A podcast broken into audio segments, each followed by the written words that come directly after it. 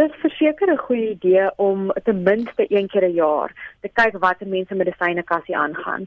En ek dink meeste van ons in Suid-Afrika maak ons self skuldig daaraan.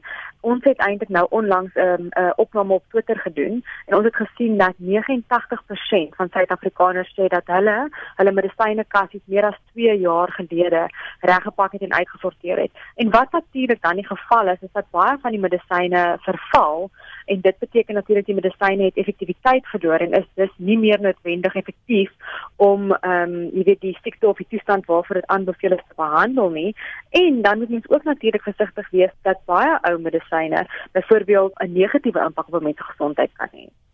Goed, so ek kan nie net ehm um, medisyne gryp want ek weet dit het gewerk uh, jare wat gelede nie. Ek moet kyk na die datums, jy weet waarna kyk mens alles as jy so deur daai kas gaan. Dis reg ja. So om na die datum te kyk is die maklikste manier om te kyk of 'n medisyne verval het, maar dis nie altyd die enigste aanduiding dat die medisyne nog toepaslik is vir menslike gebruik nie. So wat mense ook kan doen is um hou daai medisyne in 'n koel, droog baie mense skuldig daaraan dat hulle medisyne in 'n badkamerkassie hou en daai vogtigheid wat heeltyd in die lug is, kan ook veroorsaak dat medisyne vinniger verval. En wat mense dan kan doen is kyk na die tekstuur van die medisyne. As die tekstuur enigstens verander het, die medisyne dalk van kleur verander, dan is dit heel moontlik dat daai medisyne nie meer so effektief is nie. Dan is daar ook 'n ander gevaar, ehm um, jy weet waarop mense moet bedag wees en dit is as dat jy van hierdie medikasie so by die huis aanhou, ehm um, kan mense dit dalk dalk misbruik. Dis baie waar. So mense moet baie versigtig wees daarvoor as 'n mens byvoorbeeld geskeduleerde medisyne in mense medisyne kassie het. Medisyne byvoorbeeld vir hoë bloeddruk, selfs antibiotika en jy weet enige iets wat 'n mens uh kan kan neem en wat dan 'n negatiewe impak op gesondheid kan hê is natuurlik 'n risiko as al kinders en as al tieners in die huis is. So 'n goeie manier om daar te werk te gaan is hou slegs medisyne wat nie geskeduleer is nie of wat mens ook noem oor die toonbank medisyne in die medisynekassie want hierdie medisyne is, is gewoonlik redelik veilig.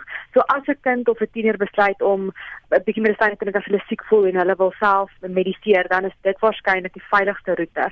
Wat 'n mens ook kan doen is mens kan met 'n apteker gesels om te help met verskillende tipes medisyne wat nie 'n negatiewe interaksie met mekaar het nie. Want hoewel sekere tipes medisyne veilig is as mens dit in isolasie gebruik, kan dit moontlik 'n negatiewe interaksie met ander tipe medisyne hê.